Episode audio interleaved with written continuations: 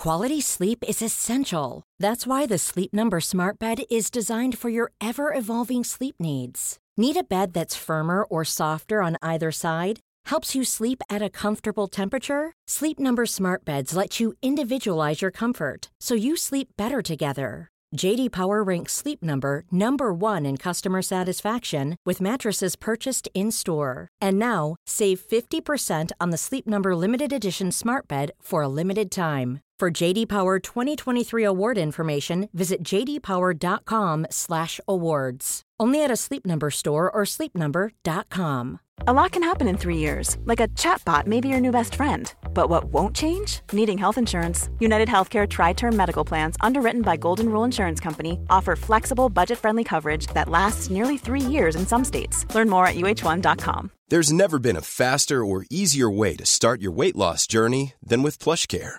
PlushCare accepts most insurance plans and gives you online access to board-certified physicians who can prescribe FDA-approved weight loss medications like Wigovi and Zepbound for those who qualify. Take charge of your health and speak with a board-certified physician about a weight loss plan that's right for you. Get started today at plushcare.com slash weight loss. That's plushcare.com slash weight loss. plushcare.com slash weight loss. Veckans sponsor är Telia. Hos Telia samlar man mobil, bredband, IT-support, mobilväxel, allt som gör företagande enkelt. Och det är just det här att samla allt på ett ställe, att ha någon att vända sig till när det inte fungerar, det är Telia. Ett exempel på vad som inte är Telia, det är ju som när jag lyckas boka förmötet för en poddinspelning med Finansinspektionen till efter själva inspelningstillfället. Eller när jag här, här året var liksom, fick för mig att jag skulle börja springa, så jag är liksom ute och springer taggad, träffar en kompis som säger så du Jan, på måndag ska jag springa ett lopp.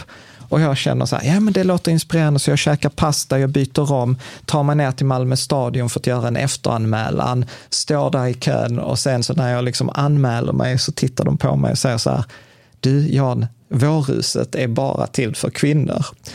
Och eh, det var, det var typisk en situation som inte är Telia.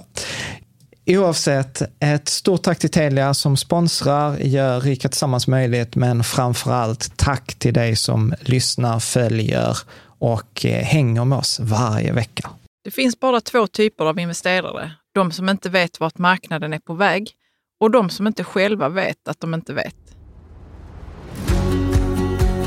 Du lyssnar på Rika Tillsammans-podden som handlar om allt som är roligt med privatekonomi i den här podden får du varje vecka ta del av konkreta tips, råd, verktyg och inspiration för att ta ditt sparande och din privatekonomi till nästa nivå på ett enkelt sätt. Vi som gör den här podden heter Jan och Caroline Bolmesson. Idag är det dags för avsnitt 142 och jag tänker att detta är en fortsättning på vår eh, serie om eh, vad säger forskningen egentligen om... Eh, vad som funkar. Om vad som funkar. Ja, precis. Och hur, mm. kan, hur kan jag som småsparare använda faktiskt det forskningen säger? Mm. Och vi har ju varit inne på det, att det är få områden där det är så stor skillnad mellan vad forskningen säger och vad vi småsparare faktiskt gör eller vilka råd som vi får från finansbranschen. Detta är en fortsättning på avsnitt 138 och 140. Och eh, alltså även om man kan titta på de gamla eller lyssna på de gamla avsnitten så är de fristående. Mm. Så att man kan verkligen bara hänga med i detta även om man inte har lyssnat på de eh, föregående. Och ja, det jag tänker att vi ska prata om idag specifikt, det är att vi ska göra en återkoppling till det här med värde och tillväxt. Kommer du ihåg det, att vi pratade om det i förra avsnittet om eh, studier? Ja, jo, ja. lite grann. Och du var lite jobbig, eh, där du ställde så här frågan, så vad är skillnaden och hur definieras de? Och jag kände så här, blev frustrerad. För att jag inte hade jo, men du svarade väl bra på det? Ja, jag tyckte inte det och kommentarerna på förra avsnittet var så här, uh, du yrade lite. alltså, och, ja, ja, och okay. att jag skulle komma växa. Ja. Så att, så att, uh, nu, och, Men har du skärpt dig nu då? Jag har skärpt mig nu. Och så ställde jag så här frågan uh, på, på Twitter och på Facebook i sociala medier, så här, hur, hur tänker ni kring värdebolag? Kan ni hjälpa med några svenska exempel? Eller liksom, hur definierar Och så får jag, liksom, först en av kommentarerna var så här, står inte det i studien som du har läst? Uh, och jag tyckte det var bushaka. Bushaka, ja. Uh, stod, det stod säkert. Men alltså, ja, men det är klart att det stod. Det är också det där att man kan tycka att man fattar någonting. Ja i hjärnan. Men sen så när man ska översätta det i ord så ja. är det som att det ter sig inte att man kan det. Nej, precis. Nej. Nej men så att idag har, har jag faktiskt jag har kompletterat med den formella definitionen och jag har även försökt förklara det och liksom sammanställt. Ja. Så det blir värde och tillväxt och det blir exempel på, på. Jag ska bolag. säga att det är jättelätt att sitta här och, och ställa frågor. det måste vara jobbigt att vara i den andra änden, Jan. Ja, tack. Tack för att du ser det. Ja. Eh, och sen fick vi feedback på så här, gud vad ni yra innan ni kommer till saken. Så att ja, idag, vi ska inte göra det. Vi ska komma Låt lite oss gå till saken. Ja. Eh, vi ska prata om marknadstiming. Det är den stora grejen i dagens avsnitt. Mm. Eh, så vi kommer på att just det här med tajma marknaden, att när man försöker undvika nedgångar, bara vara med på uppgångarna och liksom följa olika sådana här strategier som man kan göra då. Och ska vi se om det funkar eller inte, för det är väldigt, väldigt vanligt eh, att mm. man försöker. Och eh, sen naturligtvis eh, visa eh, att det finns liksom en solid grund för just det här passiva sparandet, långsiktiga regelbundna fondrobot eller indexfonder, så som vi pratar om. Så det handlar inte om att bevisa om att andra saker inte funkar, utan det handlar om att bevisa vad är det som ger bäst odds, yeah. tänker jag. Så att, och sen måste jag också säga så här, nu blir det så här lite yra innan vi kommer igång. Vi fick ju sjukt mycket feedback på det här exemplet med genomsnittlig bilförare. Det, det var till en engagerande fråga. Eh, ja. Kan, du inte ta, kan du inte bara ta det igen, för det är inte alla Nej, som men har där, det. Men... If, till försäkringsbolaget, gjordes, återupprepade en studie som gjordes i Sverige på 80-talet, där man eh, då mätte hur många bilförare då som upplever sig själv vara bättre än genomsnittet. Och då var det typ så här, i Ifs undersökning var det 61 procent av alla bilförare upplevde sig vara bättre än genomsnittet och bara 4 procent var sämre. Mm. Uh, och då tycker jag liksom så att om vi har ett genomsnitt så är det ju hälften som är sämre och hälften som är bättre. Ja. Men då kom det massa så diskussioner kring huruvida, så här, men det beror på hur man mäter eh, liksom bilkunskap eller vad man menar som genomsnittlig Ja, det är en oerhört bred fråga. fråga. Ja, men vi konstaterade, man kan ställa frågan, är du en bättre bilförare än medianen? Eh, det tyckte läsarna var bättre. Så jag ber om ursäkt att jag sa statistiskt inkorrekt, är du en bättre bilförare än genomsnittet? Jag ska från och med nu säga, är du en bättre bilförare än medianen? Så att, ja. Eh, och för vissa så säger inte det så mycket, nej. medianen. Nej. nej, men för vissa här är det viktigt. Ja, eh, och, för vissa och, är det viktigt. och det jag tänker som egentligen är det man kan ta take-awayen för många andra, mm. är ju att du kan vara ganska säker på att eh, det som vi säger här, att det, det är underbyggt och när, det, när vi har fel så säger vi det för att det påpekas i kommentarerna. Ja, det är det, jättebra. Ja, så att Vi ni älskar det ändå. Ja, så att jag skulle säga så här att ibland så känner jag att det är lilla Jan här och så har jag dig här i första ledet och sen det du missar så kommer det en massa andra ja. läsare. Så att jag är fantastiskt tacksam för den här kvalitetssäkringen. Så tack för att vi kan ta upp detta. Tack för att ni gör mig, att jag får lära mig nya saker och att, och att vi kan få rätta till saker efterhand och sen sprida. Mm. Som tur är det inte värre än det här. Liksom, detta är väl lite, ganska liten grej i universum. Bra, ska vi ta då? Då går vi in på avsnittet då. Ja, så värde är bättre än tillväxt. Eh, det pratade vi om förra gången, att det gjorts mycket studier av Nobelpristagaren Eugene Fama och hans kollega Kenneth French, eh, där de mellan 1992 och 1994 släppte tre artiklar som visade då att småbolag tenderar att gå bättre än stora bolag, bolag med hög lönsamhet tenderar att gå bättre än bolag med låg lönsamhet och eh, värdebolag tenderar att gå bättre än tillväxtbolag. Det var ju det som vi konstaterade i förra avsnittet. Och detta har man då, detta följde de upp i en ny studie 1998, för då 90, 92 till 94 kollade de bara i USA. Eh, och sen 98 så gjorde de samma studie för eh, internationella marknaden, alltså typ för Europa, mm. alltså och för tillväxtmarknader och kunde återupprepa samma resultat. Så att den var ganska eh, solid, men denna har inte belönats med Nobelpriset. Eh, alltså det är inte en artikel som belönas med Nobelpriset, utan det är en person. Är det eller... så livsverk? Men det är vissa som har fått Nobelpriset flera gånger. De är inte många. Nej, det men var det inte typ Marie Curie? Eller jo, det var det. Hon fick väl dessutom i två områden? Kemi och fysik. fysik ja. jag tror mm. det. Ja. Men i, i vilket fall, det är inte en, en, eh, det är inte en journalist. det är inte en artikel som får pris, utan okay. det är en person som har gjort forskning. Jaha. Och sen så forskningen kommer ut i artikelform. Okay. Så han kan ha fått Nobelpriset för detta? I kanske ett annat, eh, ja. en annan, ett parallelluniversum. Ja. Men vad jag tänkte säga så här, för nu ja. när du sa de här grejerna igen, det här med värde är bättre än till, tillväxt. tillväxt. Så, eh, Men det är det för vi ska, dig är det så. Ja, men det är det vi ska prata om nu. Ja, men vad bra, för att jag känner återigen hur jag bara Zonar är rörig i huvudet. Bara. Ja. Låt oss gå in på det. Vi- Låt oss gå in på- in på ja. Mm. Så för, först, då, om vi, om vi, är- eftersom vi är inne på studien, så definitionerna för de som är de närmast sörjande, som är nördar på det här. Så det som definierar ett värdebolag, det är att man gör, mäter olika nyckeltal på hur bolagens ekonomiska resultat. Ja. Är med? Ja. Och då, då, då ska det vara tre nyckeltal som har höga kvoter och då delar man då det egna kapitalet med marknadsvärdet. Det är det ena nyckeltalet. Man delar för, företagets vinst med dess aktiepris, Mm. EP-talet.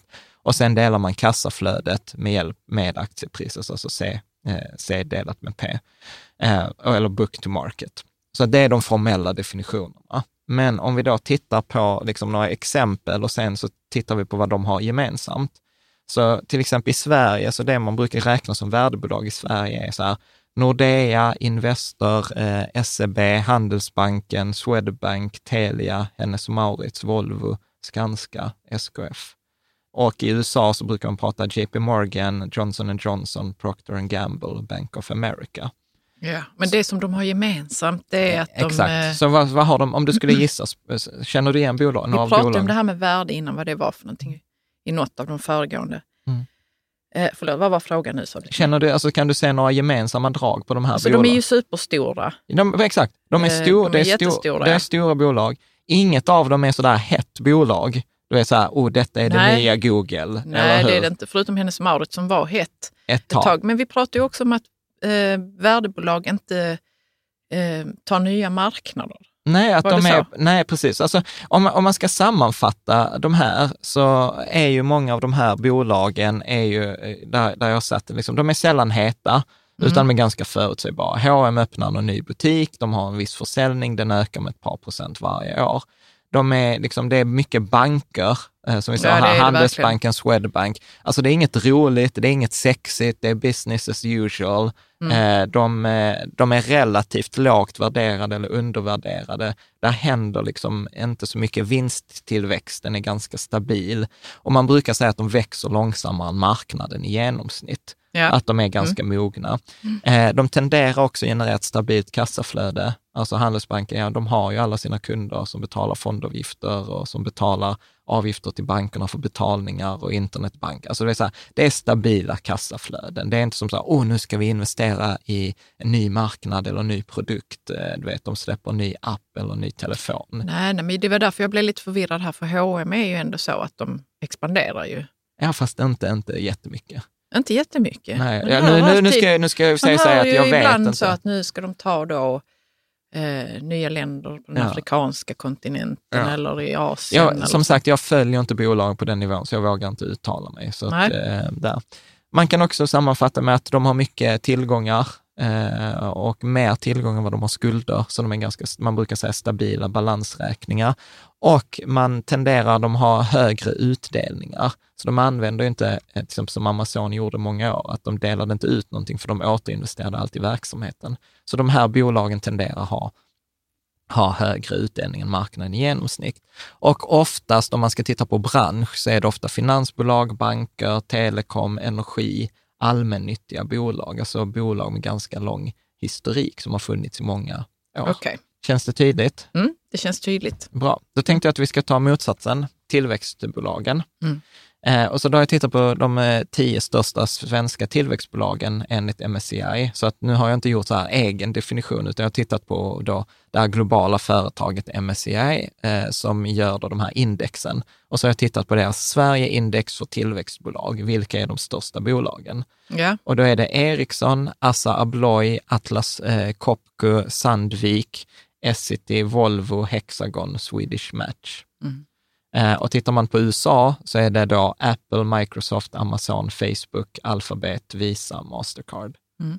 Så att det är också ganska stora eh, bolag, eh, som, men de här har en högre tillväxt än vad de andra bolagen har. är det över en viss siffra då eller? Ja, över, över, över, över marknaden. Jag ska säga så här, Över- man, växer, man brukar säga så att man växer i omsättning, alltså hur mycket man säljer för. Omsättning är totala försäljningen som ett bolag har.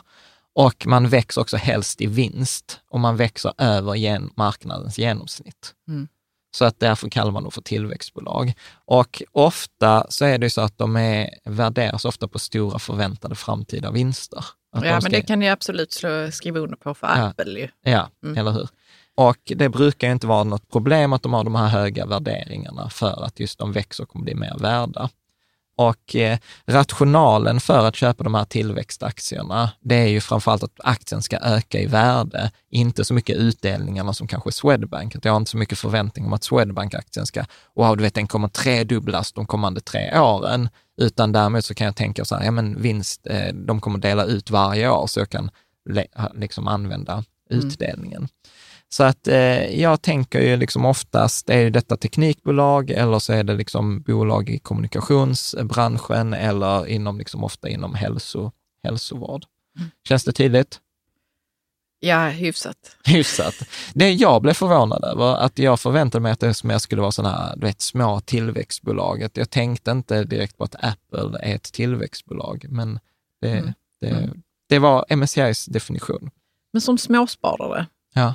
Varför ska man bry sig om att värdebolag är bättre än tillväxtbolag? Enligt den här artikeln då. Nej, men alltså så här, man, detta är inte som att, oh, nu ska vi gå ut och ändra strategin, men detta kan vara så här att förstå till exempel varför kompletterar Lysa med små bolag? Varför kan jag inte bara ha Länsförsäkring eller Avanza Global? Varför borde jag också ha små bolag som mm. då Länsförsäkring Global inte har? Det är om man är lite mer intresserad kan jag tänka mig. Nej, och, och vill nej. veta så vad, vad, vad, vad det är man äger för någonting ja. om man har Lysa då till exempel och varför man äger det. Ja, ja, precis. Och alltså, står, i, står stadigt i sin strategi då. Ja, liksom. Alltså egentligen så här, du behöver inte göra någonting till följd av detta vi pratar Nej, om. Det, det, det är redan fixat. Har du då våra modellportföljer eller har du Lysa, så är allt detta är ju redan fixat. Mm. För, för att vi försöker ta de bästa portföljerna enligt forskningen och då är det ju den här forskningen vi tar hänsyn till. Ja. Eh, sen, sen är det ju vissa som liksom så att, ja men om man tittar på det så har ju de här värdebolagen gått då bättre i alla de här marknaderna historiskt. Eh, och tittar man då på liksom sannolikheten för att då ett värdebolag ska gå bättre än ett tillväxtbolag, så på ett års sikt så är det 59 procents sannolikhet historiskt, alltså baserat på historiska siffror. Mm. På fem år är det 70 procent och på tio år är det 78 procents sannolikhet. Men liksom då kommer vi till detta, är detta något jag ska agera på nu? Att om jag har då H&M ska jag sälja dem och hellre köpa Apple? Ja, tittar vi på de senaste, tror jag, de senaste tio åren, så har ju tillväxtbolagen gått betydligt bättre än värdebolagen. Mm. Det kan vara lite förvirrande ju. Ja, alltså, så att, för det är ändå lång tid, tio år. Ja, ja, ja precis. Men när vi pratar, alltså, för vi pratar ju mycket statistik och odds. Ja. Det är ju inte att i 100 procent av fallen går värdebolag bättre än tillväxtbolag. Nej, Utan, man vill ju gärna tro att det ska vara så som det sägs i den artikeln. Men, ja, precis. men okej, det är inte alltid nej, så. Nej. nej. Utan, utan eh, det är ju ändå så här 22 procents eh, sannolikhet. Och nu har vi haft en tioårsperiod då detta inte har varit så, utan att om vi tittar på den senaste tillväxt, eh, om vi tittar på amerikanska tillväxtaktier över den senaste tioårsperioden, ja då har de gått 351 procent ackumulerat, medan värdebolagen har gått 224 procent. Så det är en ganska stor skillnad, så därför ska man inte använda detta för att spekulera i att bara, åh nu köper jag värdebolag eller bara småbolag eller så, utan vad det handlar ju om, tror jag, att är att ha en bra balans. Vi pratar alltid äg allting. Mm. Och då äger du värdebolag, du äger tillväxtbolag. Så tittar du som snitt, ja då har du hamnat någonstans mitt emellan. Mm. Och svaret, den svåra frågan är alltid så här, hur kommer det vara de kommande tio åren? Ja, ingen aning. Ingen, vet. ingen aning, men vi kan ha en liten tiltning, vi kan, eller vi kan åtminstone komplettera med småbolag i en portfölj som annars hade saknat småbolag. Det är så jag tänker. Ja, eh, och småbolag eh, de eh, kategoriseras som tillväxtbolag. Ju. Nej, de kan också vara värdebolag eller tillväxtbolag. Ja, okay, så, att det är, så att detta är olika dimensioner. så att du kan ha, liksom, du kan ju ha liksom stora, medel och små bolag. Ja. Ja, och sen kan alla de tre kan då vara ja. värde, jo, det, tillväxt ja, eller blandat. Du sa det förra ja. gången. Ja. Så om vi tittar vad, vad, man äger ofta, om man till exempel har Lyse eller våra modellportföljer, då har man också ofta en mix av större bolag. Eh, det är där vi har viktningen, för det är det som forskningen säger att vi ska ligga så som börsen är i genomsnitt. Ja. Men vi kompletterar, vi vill inte bara ha stora mixade bolag, utan vi vill ha lite små bolag också. Det är därför vi lägger till då till exempel den här Handelsbanken Global Småföretag, eller varför Lysa lägger till Vanguards Small Cap. Eh, ja. Så allt är fixat. Så min poäng här är, det, de tenderar gå bättre än, eh, värde går bättre än tillväxt, men det, den senaste tioårsperioden har tillväxt sprungit cirklar runt värdebolagen, så att det är ingen naturlag. Mm. Bra. Eh, jag hoppas att eh, detta känns liksom eh, tydligt och att vi kan lämna värde och ja, vi, tillväxtbolag. Vi Men jag tycker det är faktiskt djupt spännande det här med hur man hur, hur företag som Lysa då till exempel, hur de baserar det, det som de gör på forskning. Alltså, mm. För det är ju inte som att de basunerar ut det. Liksom. Nej, men de har ju ett, för den, för den som är lite nördig så har de ett white paper som ja, man kan läsa. Ja, det har de och jag har, jag har sett att man kan klicka på den ja. och läsa det. Ja. Men det, det, det, är inte det som står på deras liksom. Eh, landningssida och jag tycker det är ganska skönt på sätt och vis och lite synd också. Ja, men alltså Caroline, normalt sett, alltså detta är ju inte forskning som kommer ut till vanliga människor. Detta är, Nej, alltså, men du måste läser... komma ihåg Jan, ja. att jag har jobbat på universitet ja. Med att övertala forskare att du måste komma ut med din forskning ja. så att den kan komma till gagn för samhället. För skattebetalarnas pengar går till detta. Ja. Och, och det är svårt, de, är, de tycker det är svårt att kommunicera det. Ja. Men sen samtidigt, så just i detta fallet så är det liksom en, det är någonting som, det är en försäljnings ett försäljningsargument skulle ja. jag säga. Ja, men återigen, de flesta är inte, alltså jag kan ibland känna så här dåligt samvete för att nu tvingar vi på liksom flera hundratusen eh, läsare och 20 000 poddlyssnare. Så bara, grattis, nu kommer du få lyssna på en akademisk studie från 1998 med en nobelpristagare. Alltså det är inte så no många normala sammanhang där man liksom får... Får det låta tråkigt? Vi, gör, vi vill göra detta sexigt. Ja, och okay? jag hoppas att man tycker ändå vi så att detta var ganska intressant. Vi vill inte att det ska vara trist och liksom det ska kännas så, oh my god, skjut mig. Ja. Inte så, Nej. utan detta ska ju, man ska ju förstå liksom ja. saker när man har lyssnat på det här. Ja, så att bra. Så tro, tro, jag tror att man har förhoppningsvis är med nu på värde versus jag tillväxt. hoppas det. Ja. Ska vi gå in på marknadstiming? Ja, mm. precis. Och marknadstiming är ju så här, kärt barn skulle jag säga, i mångt och mycket. Mm. Vad tänker du? Nej men, eh, vad är det för något? så marknadstiming handlar om att man vill försöka tajma marknaden, så man bara är med när det går upp och så är, hoppar man av när det går ner. Så, så att man köper aktier när de är billiga och sen så blir man bara med så länge de går upp och sen när de börjar gå ner så, så, så, så, säljer man dem. Ja, helst i förväg. Helst innan de har börjat gå, gå ner. Ja. Så att man bara varit med på uppgången upp, och tjänat massa pengar på ja. värdeökningen. Ja, precis. Mm. Så man är med på uppgången och man undviker nedgången. Ja. Eh, liksom. Frågan är då, hur ska man veta när, precis innan de börjar gå ner? Exakt, det ska vi prata om de resterande 40 minuterna. Ja. Grejen är ju så här, detta är en sån grej som vi, liksom vår hjärna tycker ju att detta borde vara enkelt. Eller hur? Att det handlar ju bara... Ja, det känns ju som att man, jag borde klara det, ja. känner man. så Det borde inte vara så svårt. Nej, och, och man tänker så här, det är ju bara två alternativ. Upp eller, eller ner, ja. Upp eller ner. Det är det som är lite bedrägligt. Eller hur? Och inte bara upp eller ner, utan det är så här, inne i marknaden eller ut ur marknaden. Är du med? Det handlar inte ens om så här, jag ska välja vilka aktier eller så här. Det känns ju mycket enklare bara att ta beslut så här, ska jag vara inne eller ska jag vara ute?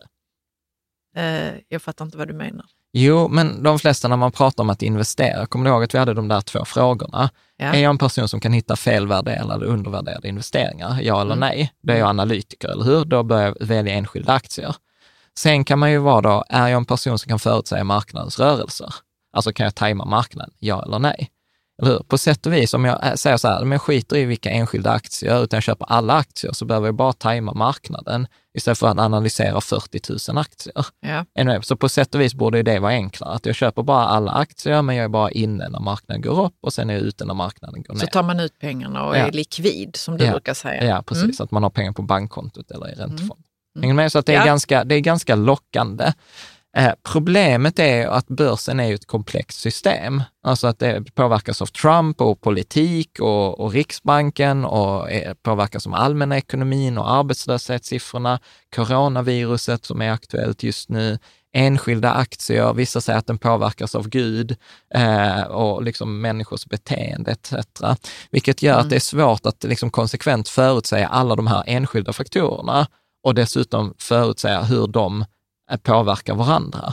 Ja. För politiken påverkar ekonomin och ekonomin påverkar de enskilda företagen och de enskilda företagen påverkar arbetslösheten som påverkar politiken som mm. påverkar, liksom, ja du fattar, det, det, det, är, ett, mm. det är det vad man liksom i fysik kallar för ett komplext system. Men grejen är ju så här eh, att vi, där, jag kommer gå igenom ett antal faktorer varför detta blir väldigt svårt. Och jag tror att en, en av de grejerna här handlar ju om att vi blir väldigt lockade av att identifiera mönster. Med ja. att hur saker, liksom, nu har det mm. gått upp eller nu har det gått, eh, gått ner. Mm. Så jag tänkte att du ska få göra två övningar här. Ja, ja precis. Eh, och eh, den ena övningen här är att jag har tagit fram en bild och om jag beskriver bilden så är mm. det eh, det är 36 rutor i ett rutnät, typ som ett schackbräde nästan. Och då har jag då sex kolumner, sex rader, så 36 rutor. Och sen har jag färgat då vissa av de här rutorna svarta och vissa är vita. Yep. Så jag tänker att du ska få svara på hur många mönster du ser i, i, den här, i den här bilden. Det är många som lyssnar som inte ser detta framför sig, så du får ju vara snabb nej, nu. Nej, jag ser inga mönster här. Ja, men sluta! jag vet inte. Jag ser ett stort svart sjok här. Ja, det är många rutor nere till höger som är svarta, Ja, det är ju ett mönster i alla ja. fall. Ja, vad är det mer? Tredje kolumnen. Ja, där är, där är ett streck. Ja, det är, är det också nej, ett mönster? Men det är inga, det är inga svarta, det är inga svarta Nej, där är inga svarta. Det är avsaknad av svarta ja. på den sidan. Ja. Ja. Kan man säga något om nedre vänstra hörnet? Ja, där är tre stycken ja. som sitter tillsammans. Liksom. Ja. Mm. ja men, äh, helt ärligt Jan, ja. jag, hade, jag hade inte tyckt att jag ser så mycket skulle, mönster här. Jo, fast jag, nu, nu tycker jag att du är lite taskig här. Ja. Om vi skulle lägga på en sjunde rad och du skulle fylla i de här sjunde. Det finns ju sådana IQ-test. Om jag själv skulle fylla i, ja då hade jag säkert velat att det ja, skulle precis. se ut så hur på ett skulle visst sjunde, sätt. Ja, så hur skulle den sjunde raden se ut då? Där det är svart hade du nog... Jag hade velat ha mer svart, svart kanske. Där det är svart, eller hur? Ja. Ja, ja och du hade förmodligen fortsatt med vitt där det är vitt. Hade du satt svart i kolumn C, i den tredje kolumnen? Nej, det hade jag inte gjort för den, den är ju helt vit den nu, är helt så du vill inte ha svart där. Nej, exakt. Kan du säga att du ser mönster, att din hjärna ja, ser mönster? Min mönster? Ja, min mönster ser mönster. Min hjärna, hjärna ser, ser mönster. mönster. Ja. Mm. Du som är på bloggen, du kan bara liksom, eller titta, titta på den här så kan du göra övningen eh, själv. Men grejen är att om vi, om vi tittar, nu kommer jag ju sabba övningen för de som ska gå in på... Så här, om du ska göra den här övningen, pausa eh, avsnittet här eh, och eh, gå Gör till bloggen. Övningen. För att jag kommer spoila resultatet här nu. Okej, okay, bra. Så nu kör vi spoil. Så tricket är, vår hjärna älskar mönster och den här bilden är ju då helt och hållet slumpmässigt skapad. Mm. Jag har kört i Excel, eller inte jag, Alan Roth eh, som har gjort som skrev om detta första gången i en artikel. Han gjorde liksom så 36 rutor i Excel och sen så har han slumpmässigt färgat de här svarta eller vita och sen råkade detta bli en av liksom mönstren. Ja. Men vår hjärna vill ju gärna fortsätta. Det är ju detta som man gör i sådana här IQ-test. Ja. man ser tre sådana, hur kommer den fjärde se ut? Ja liksom, på, på det sättet. Och vi blir liksom ofta eh, lurade. Vår hjärna är inte gjord för att räkna slumpmässigt. Så jag tänker att du ska få göra ett, eh, ett enkelt experiment. Mm. Eh, så att du ska få ta papper och, och du som lyssnar kan också göra detta. Eh, så du tar papper och penna och sen så ska du slumpa krona eller klave, alltså singla slant. Men du ska inte singla slant, utan du ska bara skriva slumpmässiga resultat. Hänger du med? Ja. Så för krona skriver du A och för klave skriver du B. Mm. Och sen ska du skriva 30 stycken, 30 utfall. Mm. Så att eh, du kan köra igång nu så gör vi som i sådana här kockshower, att vi pausar och så är vi tillbaka när Caroline är färdig. Då ska vi se, Jag visste det! du, då ska vi se hur det har gått för Caroline. Så berätta, hur var det att göra övningen? Nej, men det var ganska, det var lite mindfulness faktiskt. Jaså, ja, så vad va, va kan du dra för slutsats då? Nej, men jag, så jag bara liksom skrev A, B, A, B, du vet. Ja. Ja. Så som det föll mig in. Ja. Och sen så räknade jag antalet A och de blev 14 och sen räknade jag, ja och B var ju 16 då. Ja. Jag tror att du har fuskat lite. Nej, men, men... jag har inte fuskat. Ja. Som jag sa så var det lite en avslappnande övning. Så det ja. var inte så att jag jag förstod nästan vad den gick ut på, men jag försökte va, va, förtränga det. Vad går det ut på? Jo, men för att hjärnan vill ju gärna hitta på någonting här, men jag vet inte exakt vad den, var, vad den ville hitta på. Ja. Men nu förstår jag ju att den ville att det skulle vara lika många A som B. Det får inte vara för många av någon. Nej, exakt. Så det är ju inte slumpmässigt. Nej. Nej. och det kan man tro för att man, har, man slappnar av lite och ja. skriver A eller B. Ja. Precis, så, så, grejen är så här, hur hjärnan funkar mm. är att den kommer att hitta ett mönster och så kommer du inse så här, fan jag skulle inte följa ett mönster och så börjar man följa ett nytt mönster tills dess att man kommer på ett nytt, att man håller på med ett mönster och sen mm. försöker man skifta ett nytt. Och det här med slumptalsgenerering, alltså nu är jag inte expert på det, men jag vet att inom matematiken och fysiken så är det så extremt svårt att ta fram perfekt slumpmässighet. För det finns alltid ett mönster eller en bias eller någonting. Men är det för att en människa har skrivit programmet som, ja, även som datorer. ska ja, alltså generera är, slumpmässigheten? Ja, ja. Så att det, det liksom man tittar så här inom, eh, jag vet inom fysik, att man tittar på så här fysikaliska reaktioner, att så här sönderfall, för man tänker att det är slumpmässigt. Men det är väldigt, väldigt svårt. Så din bias här var ju så att jag vill ha 50-50. För så mm. ska det ju vara om det var slumpmässigt. Det är så himla coolt att hjärnan gör det utan att man märker det. Det är det ju. Ja. Vad gör den mer utan att man märker det? Detta har jag funderat på sen jag gick i grundskolan när jag ja. upptäckte att jag kunde skriva full pott på ett prov som jag inte hade brytt mig om. Ja. Och så tänkte jag så men det måste ju vara så att jag har lyssnat på lektionen då, fast ja. jag tyckte det var tråkigt. Ja. Ja. Och sen hände det inte mer. Nej, Nej men hjärnan gör ju jättemycket. Det är ju det som Daniel Kahneman har fått eh, Nobelpris för i den här tänka snabbt, långsamt, att vi har system 1 och system 2.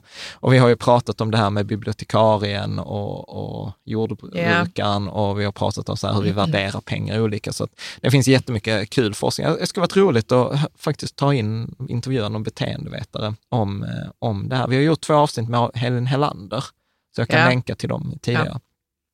Så att i alla fall, detta är ju, och mönstren man kan följa, du råkade följa ett mönster att det ska vara ungefär lika. Sen kan det vara vissa som är så här AB, AB, fan jag kan inte skriva AB, B, B, B, men jag kan inte bara skriva B. Ja, men, jo, men så, så tänkte jag under tiden som jag höll på. Ja, men då hade du ju, höll du ju på ju. Ja, det gjorde jag. Jo, jag gjorde det, men sen så försökte jag frångå det, precis som du sa. Ja. Ja, strunt samma. Ja, så du gjorde precis så som eh, du skulle göra? Enligt textboken. Enligt textbook example, ja precis. Bra. Mm. Detta ställer ju då eh, liksom till det eh, i, i, i marknadstiming, att detta är så vi vill se. Aktien har gått upp, eh, eller nu, nu har det liksom... Vi kan, vi kan faktiskt ta ett, eh, ta ett exempel till. Mm. Eh, här med, med marknadstiming. Nu vet jag inte om du har hört detta exemplet innan. Jag brukar ta detta på workshopparna ibland. Föreställ dig att du har två stycken eh, aktier, eh, eller fonder eller investeringar, AB. Den ena investeringen har gått upp de senaste 21 dagarna. Den andra investeringen har gått ner de senaste 21 dagarna. Vilken av de här två skulle du lägga dina pengar i? Um, den som har gått ner. Den som har gått ner? Nej, det skulle jag ju inte.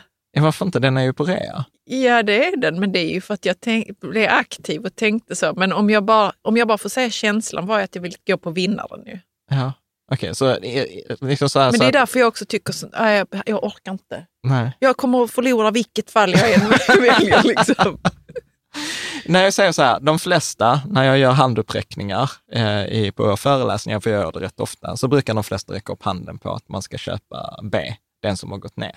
Ja. Eller för vår hjärna tänker så att den är billig, den borde gå upp. Den andra har ju redan gått upp, tåget har gått och det är kört. Mm. Så brukar jag så omformulera frågan. Okej, okay, så att föreställ dig du inte har två bolag eller två aktier A och B, utan du har två hästar A och B. Den senaste, eh, liksom den första hästen A, den har vunnit de senaste 21 loppen.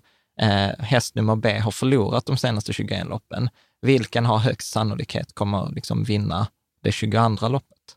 Mm. Det är ju A. Ja, Mm. Så är det med aktier också, att eh, liksom ett rekord på en aktie följs i genomsnitt av 42 nya rekord. Ja. Så det är ett normalläge för börsen att vara Men är det ett mönster då? Nej, det är inte ett mönster, det är statistik. Alltså när man, när man tittar statistiskt, så att rekord tenderar att följas av nya rekord. Och att eftersom vi har en men tillväxt... varför är det så? Nej, men eftersom vi har en tillväxt, att vi går, börsen går ju mer upp än vad den går ner. Den går ju två tredjedelar upp. Eh, över tid. Så då blir det ju naturligt att den ska gå högre och högre och högre. Jo, jo men jag tänker för en enskild eh, aktie. Ja men, det är, ja, men det är svårt på en enskild aktie, men om vi tittar på marknaden, liksom de flesta, marknaden drar ju med sig alla aktier. Ja. Även ja. dåliga bolag mm. går ju plus i en positiv marknad. Mm. Alltså det ser man ju liksom, eh, i dagsläget. Så, att, så, så, här blir vi ju lurade eh, hela, hela tiden. Och eh, om vi då tittar på, om vi tar specifikt marknadstiming, så vi hade något som heter svarta måndagen den 19 oktober 1987. Då föll börsen över 20 procent på en enskild dag. Liksom man vaknade på morgonen och sen var, var man så här, vad, vad, hände de här åtta timmarna? För man blev av med en femtedel av sina pengar. Eh, och sedan Nobelpristagaren Robert Schiller, eh, då, som eh, han undersökte och liksom i efterhand, vad berodde den här kraschen på? Alltså fanns det, några så här, det något som hände under helgen? Liksom, och man liksom undersökt så vad var anledningarna till den här kraschen. Och eh, du kan ju läsa hans eh, konstaterande. Ja, yeah. the crash was due to investor psychology and did not have an obvious external cause. Ja. Så det var investerarpsykologi som, ja. Som fick det att rasa. Men det ja. säger ju ändå, alltså helt ärligt, det säger inte så mycket väl? Nej, nej men det säger att... Det, det måste ju vara något som fick dem att Ja, och det investerarna man, att eh, ja, agera så, efter, ja, efter och, någonting. Och, och, nu, nu har jag inte den, jag har inte förberett den studien idag, men jag har så här minne av att det finns en studie som tittade på stora rörelser på börsen och jag tror att i 75 procent av fallen kunde man inte ens i efterhand förklara varför det hade fallit. Men det låter så konstigt, ja. men visst, absolut. Och det, det är, är, det för att det är ett komplext system? Ja, och, det, och vi är irrationella och sen så börjar det gå ner och sen får man panik och sen får fler panik och till slut så får även de som inte fick panik panik och så blir det liksom ett självspelande liksom piano. Mm. Liksom. Och där finns, en, eh, där finns en professor som heter Valery Sakamulin Eh, Eh, han är vid, på ett universitet i Norge som heter Agders universitet. Och han typ har skrivit hur många artiklar på marknadstiming som helst. Så vi ska, vi ska gå igenom några av hans artiklar och vi ska gå igenom andra artiklar också. Men du kan ju läsa hur han introducerar ett av sina, en av sina artiklar, för jag tycker att det är ganska eh, liksom fint. Och du kan pausa efter en mening så bryter vi ner den. Ja. In this paper we revisit the myths regarding the superior performance of market timing strategies based on moving average and time series momentum rules. Mm. Ja, det är bra. Nu bryter vi ner detta. Ja. Så alltså han, han har en, en, en, studie som vi kommer att prata om, där han går igenom då de här klassiska strategierna för hur man tajmar marknaden.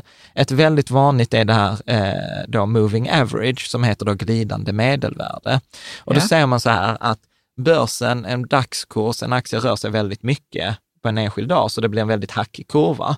Men om vi istället räknar till exempel det senaste årets genomsnittliga aktiekurs eller den senaste två månadernas eh, aktiekurs, så får vi en mycket mer glidande kurva, en mycket mer jämn kurva. Hänger du med på det? Mm. Eh, och då kan man säga att om då till exempel aktiekursen går över 200 dagars medelvärde, ja då går den positivt, då är det en uppåtgående trend. Men okay. när den går under sitt 200 dagars glidande medelvärde, då är den i en negativ trend, för då går den sämre än den har gjort historiskt. Häng med? Så det finns, och det finns hundra sådana här regler. Detta kallas MA200 eller MA50 genom 200. Alltså, det finns massor av sådana regler. Är du med? Så vad han gör, han undersöker alla de här kända reglerna ja, ja. för hur ja, man ska vad tajma spännande. marknaden. De här myterna kallar han det då, ja, eller? Ja, mm. så, så då kan du läsa. Ja. Nästa då. Uh, these active timing strategies are very appealing to investors because of their extraordinary simplicity and because they promise substantial advantages over their passive counterparts. Ja. Okej, okay, så det är jätte, så han säger, jättehärligt att, att följa de här Ja, så han säger så att de här, att när, när någon säger så här, du vet, det är ju skitenkelt, du vet så här, du kommer undvika de största förlusterna genom om du bara följer det här MA200 versus MA50. Eller om du bara mm. följer det här glidande med. Och så blir det väldigt konkret och så blir man så, oh detta är ju matematiskt och så mm. blir vi så att detta Äntligen är, ett, är det något som gör som, att detta blir förstår. lite enklare för mig. Ja, och jag förstår detta. Mm. Och då säger han så här, these active timings are very appealing to investors because of their extraordinary simplicity. Det ser väldigt enkelt ut så jag blir väldigt tilltalad. Mm. Och för att de också då lovar, du kommer inte vara med om nedgången. Mm. Liksom, och det är ju liksom så här, och det känns ju mycket bättre att göra någonting, för vi är så vana att den som gör något, den som är aktiv, kommer gå mycket bättre för än den som är passiv. Och om du har då den här strategin, vet, att Karo, vet, här har du ett nyckeltal som berättar för dig när du ska sälja Lysa eller indexfonderna. Och, och jag är som, som bara sitter kvar i båten. Då blir jag ju idioten i bara så, varför använder du inte det här nyckeltalet eller den här strategin? Är du med? Nej, men vet du, jag ska säga en sak. Att eh, om man sitter på sånt här jobb som investerare, mm. så kan det nog vara fruktansvärt. Alltså man är på fel plats om man inte försöker sig på de här grejerna. Ja, det är klart. Att tajma marknaden. Ja. För man har gjort en undersökning som visar att om vi inte känner, vi människor inte känner att vi kan påverka vår omgivning eller liksom våra liv, ja. då går vi ner i depression. Och ja. det är liksom oundvikligt. Ja, Så att då hade man ju mått dåligt på sin arbetsplats. Om, om man nu hade Eller känt att det, sitt spar. Du behöver inte ens alltså ta det, det till sitt, alltså du behöver inte ta det till arbets, man jobbar så här. Ta en vanlig sparare.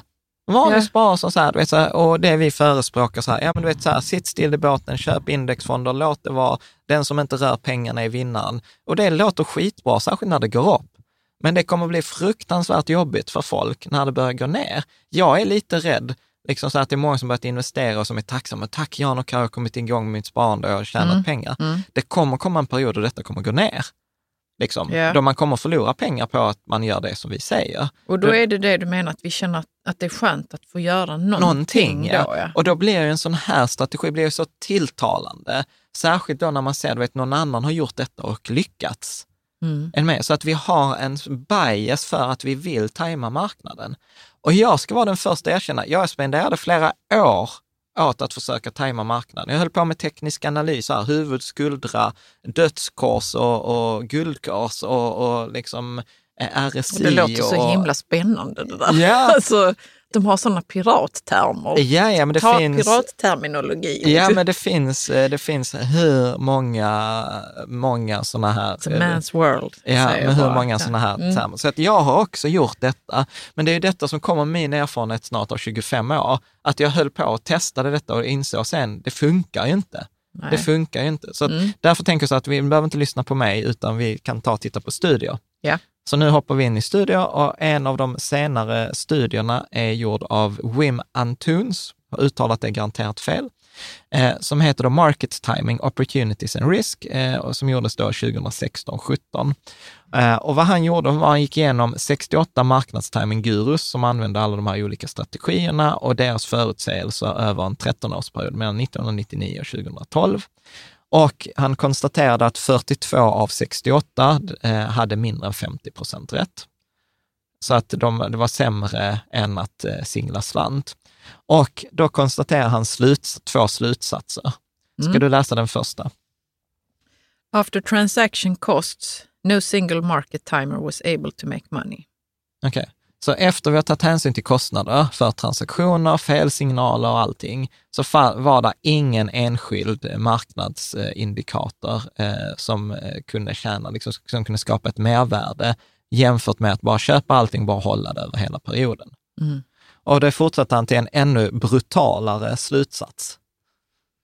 Ja, och detta är ju på svenska. Jag har översatt den för den är så bra. Ja, det finns bara två typer av investerare. De som inte vet var marknaden är på väg och de som inte vet vad, vad de inte vet. Ja. Kan du inte läsa Så den ingen igen? vet någonting, eller? Ja, okay. Det finns bara två typer av investerare. De som inte vet vart marknaden är på väg och de som inte vet vad de inte vet. Nej, de som är clueless. alltså, och detta är... Oh, du, du bara skrattar. Jo, jag försöker bara greppa den eh, så att ingen vet någonting. Nej, ingen vet, hur marknaden, ingen vet, ingen vet vart marknaden är på väg och det finns inga liksom, magiska kulor. Nu, nu målar vi upp liksom, den ena sidan av forskningen. Sen finns det, där finns det lite små ljusglimtar för de som ändå tror på marknadsstämning, så vi kommer till det också. Men, men i stora drag, det kommer då Eugene Farmer sa det också, att ja, men där finns ju de som är chartists, Eh, och det finns liksom ingen, inget belägg för att det funkar. Så att det är inte som att detta är en studie som säger att marknadstiming inte fungerar. Det är ganska många eh, många studier. Så jag skulle säga att konsensus är väldigt tydlig på att det är väldigt, väldigt, väldigt, väldigt svårt med marknadstiming. Mm. Sen är det vissa som säger så att nej, men det finns vissa tendenser, så vi ska prata om de tendenserna också. Och det är därför jag tog upp han professor Samal, Samakulin. För att han, jag tycker han har en ganska sund syn på det här med marknadstiming eh, mm. och han har liksom forskat på det. Får jag bara fråga, hur, hur hittar du den här artikeln till exempel? Grejen är ju så här, jag har tänkt på det ganska mycket, hur, hur jag faktiskt gör, men jag läser ju sjukt mycket. Jag läser ju väldigt många nyhetsbrev och sen läser jag ofta artiklarna och sen är det ofta att de hänvisar till en studie och sen hänvisar den studien till en annan studie och mm. så nystar jag på det sättet. Och sen har jag Evernote, där jag, jag har faktiskt en sjukt bra struktur för hur jag kategoriserar studier och artiklar. Som till exempel den här eh, poddavsnittet vi har gjort idag. Jag tror att jag har 15 studier och 22 artiklar eh, som jag har läst innan. Artiklar alltså på nätet, typ i New York Times eller på liksom, nyhetsbrev eller andra bloggar. Så, mm. etc. så att vad jag tror att jag är ganska duktig på, det är ju att aggregera information på, på det sättet. Så att denna hittade jag genom eh, ett nyhetsbrev som hade länkat till Morningstar och på Morningstar hade han länkat till den, en artikel där han pratade om marknadstiming. Mm, jo, absolut. Men då är det ju ändå så att någon måste plocka upp det här ja. till sitt nyhetsbrev. Och var plockar de upp det ifrån då? Ja, men, alltså, jag bara ja, ja, men den andra, hur jag gör är att jag prenumererar på sådana här SSRN, är ju en sån här sajt. Jag vet inte om du känner till den? Eh. Jo, absolut. Nej, jag okay. Känner okay. Ja, men jag trodde att det fanns, men det finns ju massa vetenskapliga artiklar i alla ämnen. Ja. ja och, sen, och sen så uh, prenumererar jag på... Men vad, vad är detta för en SSRN? Ja, men det är någon sån här researchgate. Det finns ju massa sådana som samlar. Alltså, du lägger dina mm. vetenskapliga artiklar där. Och sen ja. så, och så är jag då professor så kan jag trycka på mitt namn och så får jag lista på alla mina artiklar. Ja. Så så hittar jag till exempel, jag hittade någon refererade till han Samal, Samal Kullin eller vad han heter. Och sen hittade jag hans biosida och på hans biosida hade han listat alla sina artiklar och så plockade jag ut dem som handlar om marknadstiming. Och sen har han ju referenser och sen plockar jag fram dem också. Mm. Mm. Jag vet inte om det är så man gör. Men... Jo, jo, men då är det ju ändå så att du måste ju liksom eh, kurera din lilla lista. Ja, ja, ja. Men hittar du sånt som motsäger? Ja. Ja, vi kommer att prata ja, om okay, det. Som vi kommer att prata ja. om det. Det är, alltså, är inte... så väldigt intressant hur vi liksom hittar information. Ja. Jag tänkte säga, jag är inte dum i huvudet. Nej, jag vet. Jag vet. Du vill bara dubbelkolla? Jag vill bara dubbelkolla, ja. Att jag inte är dum i huvudet. Tack för förtroendet. Nej, men så här, jag har, grejen är så här, det är som jag tycker, du vet, jag har inte en fond som inte, som inte håller på med marknadstiming, eller jag har inte en fond som, du vet, så här, där jag har ett egenintresse i att det ena ska funka eller inte. Där blir jag ju väldigt pragmatisk. Funkar det ena, men då kör vi på det. Funkar något annat bättre, då kör vi på det istället. Ja, för då, om det dyker upp någonting nytt här, ja. då är det rätt spännande. Ja. Det är inte ett hot. Nej. Jag har, mot, så här, jag mot förvalt, dina övertygelser. Nej, jag liksom. förvaltar, alltså så här, jag, vi förvaltar ju bara våra egna pengar. Mm. Så vi har ett egenintresse i att det ska funka så bra som möjligt. Mm. Och sen kan, tycker jag alltid att det är skönt att kunna påverka andra, som till exempel Lysa, så här, du, varför har ni sett denna studien? Så jag brukar ju, till exempel han Samal Kulin skickar jag ju till Lysa och mm. så här, har ni sett de här studierna? Och sen råkar det vara Oskar på Lysa som tycker att det är lika kul som jag med vetenskapliga studier. Så vi nördar tillsammans ibland mm. Liksom, mm. och byter mm. studier. Eh, liksom. Vad? Who knew? Ja, okay. ja. Men nu Sånt du... som pågår på kvällarna. Ja, men nu har, nu har du en slide här ja. där du har skrivit varför håller vi på? Ja, så om det är så tydligt att det finns bara två typer av investerare, de som inte har vet, alltså de som är lite så här, vet inte vad de håller på med och de som vet att de inte vet. Mm. Varför håller vi på med marknaden? Varför är, varför är detta en varför grej? Varför finns eh, den finansiella... Eh... Men varför finns hela marknadsekonomin? Ja. Och då finns det lite olika. Jag tror att det handlar om en kombination av rädsla, Uh, och rädsla så här, vi vill inte förlora. Vi kan göra en sån här övning. Så att det, det du behöver tänka på det är summan eh, av alla pengar på alla våra konton. Du behöver inte okay. säga den högt eller okay. skriva ner den, utan bara mm. tänk på den i huvudet. Ja. Och sen gör du så här, plocka, ta bort 50 procent. Mm. Hur känns det?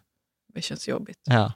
Eller hur? Tänk, tänk så här, logga in på Avanza eller Nordnet eller Lysa och så står det den summan när du vet att för ett år sedan var det den andra summan. Mm. Sen tar du bort hälften av den summan till. Mm. Okay. Ja, jag vill rädda det som räddas kan. Eller hur? Ta ut pengarna. Eller hur? Ja. Och sen så tar du bort hälften till. Mm. Eller mm. nu, nu börjar man vara så här, nej jag vill inte längre ta ut dem utan nu skiter jag i vilket. Ja, jag nu, går och fikar istället. Ja, men precis, nu blir det liksom så här, man, man ger upp. Ja. Och sen tar du bort 15 procent mm. till. Det är så här, det är så här ultimata förolämpningen. Mm. Så om du har räknat rätt så borde det vara ungefär 10 procent av ursprungsbeloppet. Ja. Yep. Och, liksom så här, och det känns för de flesta för jävligt. Och detta är bara en här mental övning. Och du tänker så här, men ja, nu överdriver du så att ta bort 90 procent av pengarna. ja, mellan toppen 1929 och botten 1931, då föll börsen med 90 procent. Mm. Så att grejen är att det inte ens något mardrömsscenario, utan detta har ju hänt. Mm. Och, och, precis som du säger, vi får någon rädsla innan vi liksom ger upp. Liksom först, det är de här, vad är det man säger, förnekelse, ilska, eh, resignation, att det finns ju den här liksom känslospiralen. Mm. Sen tror jag att det handlar om så övertro på egen förmåga, att man tror att man kan göra detta bättre än andra. Mm. Alltså den här eh, självdeception. Mm. Och eh, att de här gurusarna får ju rätt ibland. Yeah. Är med? Och då tänker man så här, vilken idiot jag är som inte lyssnar på den där gurusen. Mm. Och så har jag varit, men sen har jag ju sett att de där gurusarna har ju bränt sig också. Och då blir det också så att jag har ju ingen respekt för gurus i, i dagsläget, särskilt som vi pratade om i förra avsnittet, där det är bättre att singla slant än att lyssna på en guru. Eh, och sen är det också så skillnad, för detta kommer också så här, eh, någon kommentar, så här, men då ska vi inte lyssna på det heller. Nej, jag försöker aldrig vara någon guru, men framförallt så gör jag inga förutsägelser om framtiden, utan jag pratar mycket om det du kan kontrollera. Kontrollera det du kan kontrollera. Och marknadens rörelser kan vi inte kontrollera, men jag kan kontrollera min reaktion, mm. till, eh, till marknaden. Jag kan kontrollera hur jag fördelar mina pengar. Jag kan kontrollera min sparhorisont. Eh, jag kan kontrollera min tillgångsfördelning. Jag kan till, eh, kontrollera mitt månadssparande, mina inkomster, mina utgifter. Alltså, det, det, finns rätt mycket man kan kontrollera, kontrollera. och det, det, är väldigt skönt. Vi har pratat om det ja. när det är kris. Liksom. Ja. Så ska man alltid fundera över vad som går bra just nu. Ja, Eller vad jag kan vad, kontrollera just nu. Exakt, mm. exakt. Så att eh, det handlar liksom så att det är väldigt, väldigt svårt. Och sen är det också, också när vi tittar på de här gurusarna så är det extremt svårt att skilja eh, tur från skicklighet. Och man kan utgå by default att de flesta har tur. Vi kommer att prata om det i nästa avsnitt. Eh, mm. om det där. Mm. Eh, så att om vi ska ta några faktorer till varför det är så svårt med marknadstiming. Jag säger ja. inte att det är omöjligt, jag säger bara att det är väldigt svårt. Så den första artikeln, den är faktiskt redan från 1975 av Alan Sharp, som också fick Nobelpriset. Eh, där han skrev en artikel som heter Likely Gains from Market Timing. Mm. Och eh, då kom han fram till eh, att man behöver ha väldigt mycket rätt. Och vad jag tänker så här, säg att du är en person, eller jag är en person, jag är en mm. person som har 70 procent rätt i mina förutsägelser. Med att i sju av tio fall så kan jag förutsäga marknadens rörelse. Eller håller du med om att det är en ganska hög sannolikhet? Ja, det tycker jag. Mm. Ja. Problemet är att om jag ska tajma marknaden så räcker det inte att ha rätt en gång. Jag måste Nej. ha rätt två gånger. Mm. Jag måste ha rätt när jag går ut ur marknaden och jag måste ha rätt när jag går in. Mm. Så det var till exempel många som sålde efter finanskris eller sålde innan finanskris, men de gick aldrig in igen.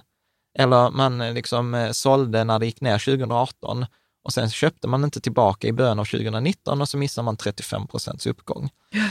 Och här kommer vi in bara på statistik och det är det så roligt för Alan Sharp var inte ekonom utan han var matematiker, har jag för mm. mig att det var. Och då konstaterar han så här, ja men betingad sannolikhet, det vill säga när man ska ha, när man har 70 procents eh, sannolikhet att ha rätt i ett utfall, om jag har två kopplade utfall, att det ena beror på det andra, då har vi det som kallas för betingad sannolikhet. Och betingad sannolikhet räknar man ut genom att multiplicera sannolikheterna med varandra. Så då får jag alltså 0,7 gånger 0,7. Och vad är 0,7 gånger 0,7? 0,49. Eh, Exakt.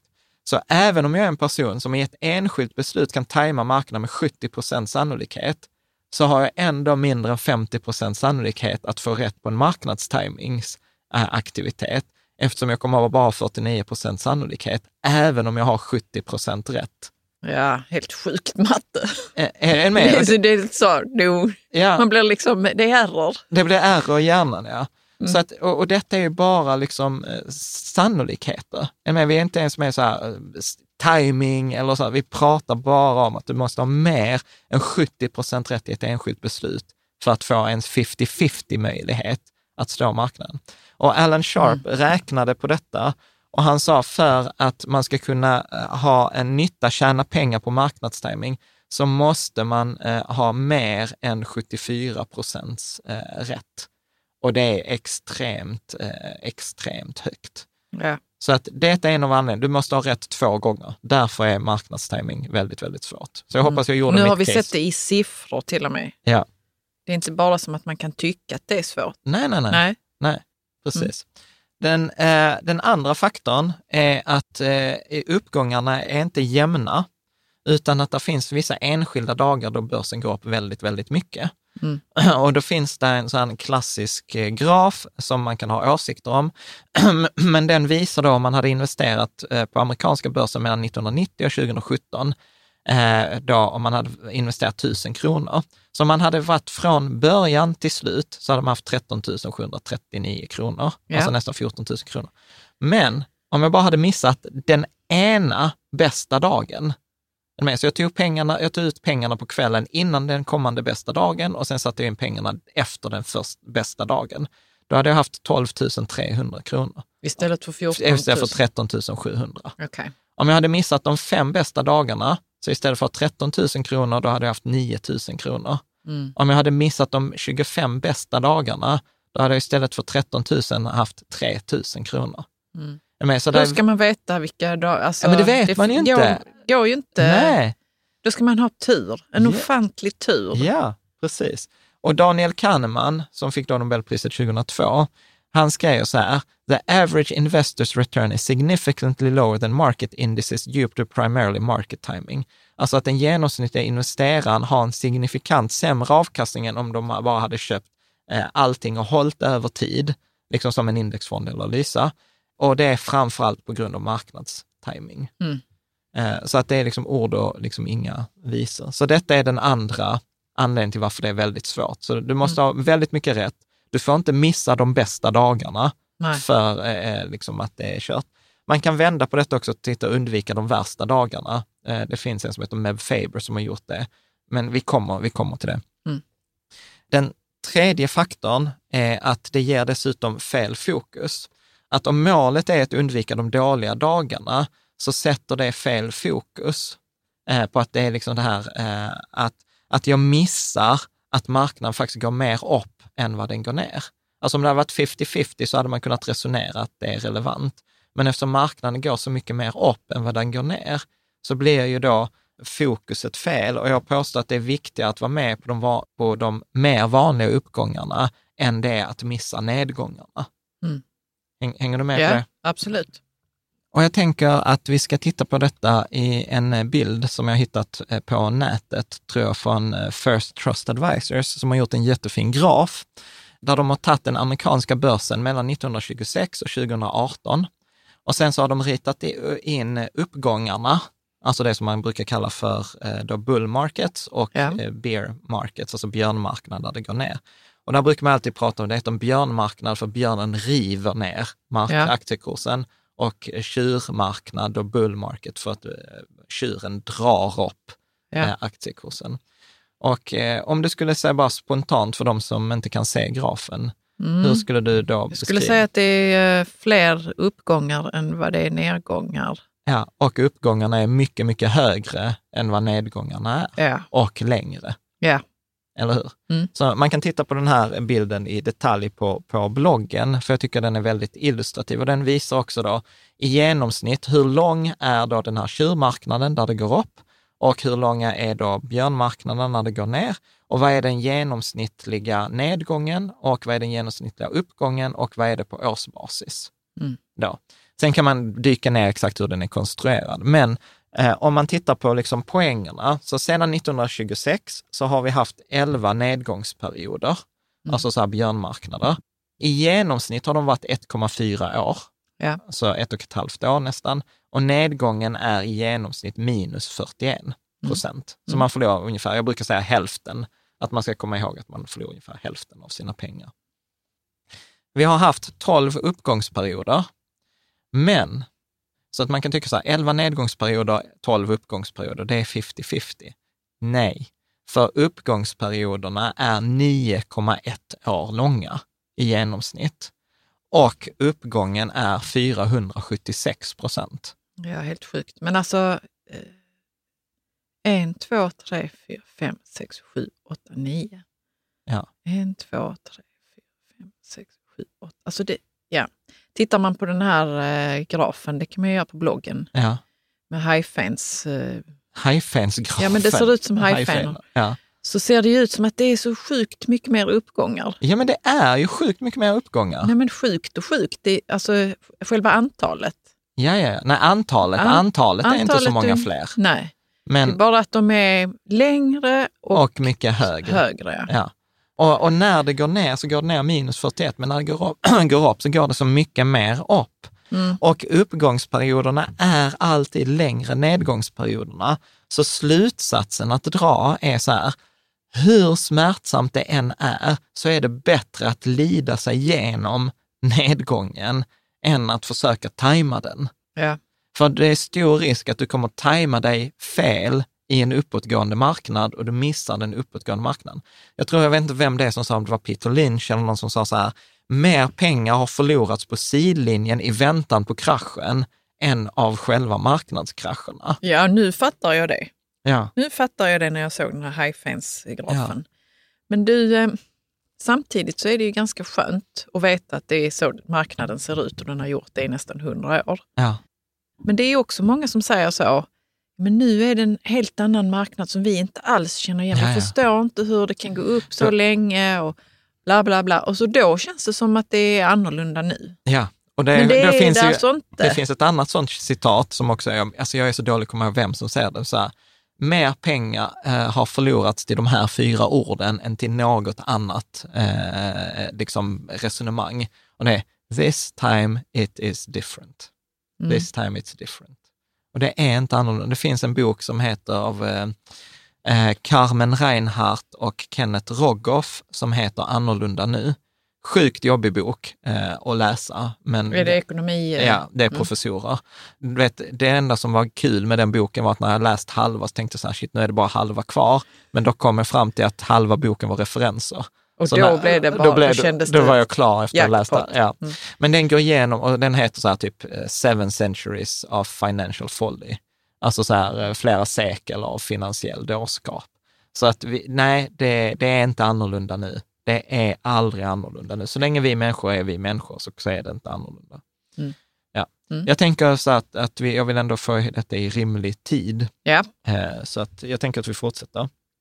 Den sista, femte faktorn eh, till, till, att det är svårt till att, att det är väldigt marknaden. svårt, eh, är framför allt att konsekvenserna är så sjukt stora.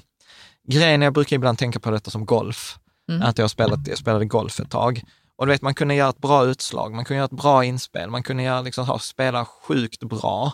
Och tajt och få, få slag och, och sen kommer man upp så på green, nära och sen sabbar, hålet. och sen sabbar man det.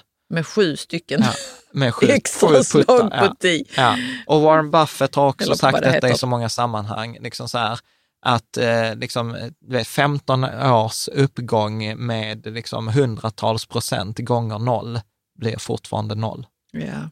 Liksom. Ja. Så att vi kommer ha ett avsnitt faktiskt, jag har planerat, eller jag har börjat Evernote, en, en, ett avsnitt som heter Avoid the zeros, alltså Mm. undvik nollorna. Mm. Så för problemet är att har du fel så blir konsekvenserna så sjukt stora. Jo, men vad är det jag har fel om då? Alltså, alltså Har du fel att du, du sitter utanför marknaden när du har nio års uppgång? Ja, utan Som- jag, och jag bara väntar på Ja. att komma in i rätt läge. Liksom. Ja. Och då, då förlorar jag eventuell eh, Ja, avkastning alternativ avkastning, Mm. ja precis. Ja. Eh, och då är det en av våra favoritföretag som då gör en studie. Här är det ett företag, men det Som har jag gjort är en studie. Vad är det Nej, för de företag? gör inte en studie, de gör varje år en mätning. Va, vad fick den genomsnittliga investeraren och vad gjorde index? Så de Ja. jämför då, så här, vad har en genomsnittlig investerare och vad har index? Är det i USA då? I USA, ja. Mm. Men, men resultaten går att återupprepa. Tittar vi på, så här, på Avanza, så är de nio av de senaste elva åren har den genomsnittligt bara underpresterat. Så att så här, studierna går helt i linje. Sen Mm. skiljer siffrorna lite åt. Men då visar de att över en eh, 20-årsperiod, eh, då mellan 1998 och 2018, då har den genomsnittliga eh, investeraren haft 3,8 procents avkastning i genomsnitt. Medan om man bara hade ägt index, alltså en Lysa eller en indexfond, ja då hade man haft 5,6 procent. Mm. Så att man underpresterar. Och då kan man tycka att så här 2 procent, det gör väl inte så himla mycket. Ja, men hade du då eh, investerat, tror jag att det var 100 000 dollar, då är skillnaden 200 000 eller 298 000. Ja. Så att de där två procenten per år spelar sjukt stor skillnad. Mm. Sjukt stor skillnad. Och tittar vi på, på räntor, alltså om man inte ska försöka tajma aktier, då ska man absolut inte tajma räntor, för där är vi ännu sämre. Mm. Där finns ju också sådana Då menar du räntefonder? Räntefonder, eller? Mm. räntemarknaden. För där har den genomsnittliga eh, investeraren haft 0,22 procents avkastning och räntefonder har i genomsnitt gjort 4,5 eh, procent. Så att där, där är ju skillnaden mellan att ha 100 000 eller ha 243 000. Ja. Och, och där finns, jag får ju så mycket statistik i huvudet efter alla de här studierna. Eh, Wall Street Journal gjorde ju också en sån här, eh, inför riks, de har en riksbank i USA också, Fed, som kan höja räntan, sänka räntan, låta räntan vara oförändrad. Om vi hade singlat slant, hur mycket rätt borde jag ha? 50 procent. Nej, Nej, jag vet inte. tre alternativ. Ja, så tre alternativ. Oförändrad, höja eller sänka. Jag borde ha 33 Ja, procent. 33 procent ja. Ja, Mm. vet ni vad de här experterna, nobelpristagare och analytiker och sånt, hur mycket Men rätt de har i genomsnitt? Ta in andra faktorer och Absolut, fundera kring och, det. och vissa har ju till och med ju haft jobbet. Vissa har Ja. till och med haft jobbet att de har suttit på möten och bestämt tidigare. Mm. Hur mycket rätt? Vi har i Sverige har vi också Nej, men det de kallar för hade så skuggsidioker. 15 procent rätt. 23. 23. Ja, de Mm. hade sämre rätt än om vi hade chansat. Mm. Ja, så att nej, det är svårt för att också så här, konsekvenserna blir så himla stora Mm. liksom, kring det. Så att jag tycker personligen att caset för mig är ganska tydligt. Sluta tajma marknaden. Don't do it. Mm. Sen finns det som du frågade, så här, finns det andra källor? Finns det andra som har andra åsikter? Ja, Eh, Så att då, kom, Spännande då, kom, då kommer ett par med ett andra åsikt. Och nu tänker man så, så vad är det för några knäppisar? Nej, men detta Men är... de är kanske inte knäppisar. Nej, han, Nej. Är, han är professor. Ja. Han är professor ja, på ett universitet. mig, det var, jag menade inte att vara eh, respektlös. Nej, så. nej. Men vi sitter här och har Ja. det trevligt samtidigt. Ja. är, Så han, Valerie Sakamulin, han har Mm. skrivit en artikel som heter The Real Life Performance of Market, market Timing with Moving Averages and Time eh, Series Momentum Rules. Och det är roligt, för det är så många, Mab Faber och massa andra som publicerar, ah, du vet, jag har kommit på den här sjukt bra timingstrategin och du borde göra så här. Och det som är roligt med han här är att han forskar ju nästan bara om marknadstiming just med de här strategierna. Mm. Och vad han, vad han gör är, trots att jag upplever honom som positiv, alltså jag vet inte hur många andra studier som han bara köttat sönder. Han, ja, men det, är, det följer med arbetet. Ah. Att kötta sönder andras mark... Eh, vad heter det? Andra Ja, studier. andra, i, studier. Jag När man inte, är det så, så, professor. läser man den här studien så så här, shit, det finns ändå ett case för marknadstiming. Och sen, kom, sen hittar man Valerie Kamulin som bara, ja det finns ju en sån här studie som var så här, de har räknat fel. De har inte tagit hänsyn till det här.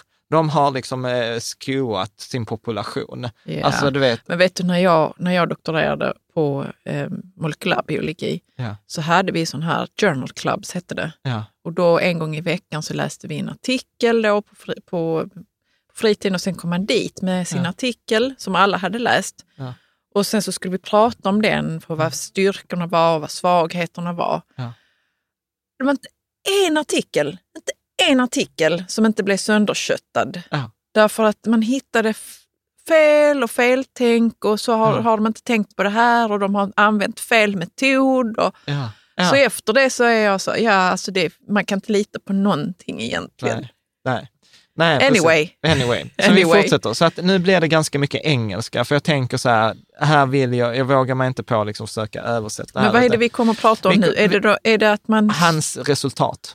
Så han har ju man har köttat sönder studier som visar att man kan tajma Ja, marknaden? men så skriver han om liksom så här, vad är det som funkar egentligen med marknadstajming. Ja, men det känns som man kan lita på honom. Ja, så att Ja. jag tänker att vi, nu blir det ganska mycket engelska, men jag tänker att vi läser och eh, sen så går vi igenom det, tänker jag. Ja, Så att detta är så bra. här, för dig som är så här, "Ö, jag måste gå, eller så här, detta är överkurs, men jag tänkte att om jag nu har sågat marknadstiming så behöver man ge den andra bilden också. Ja.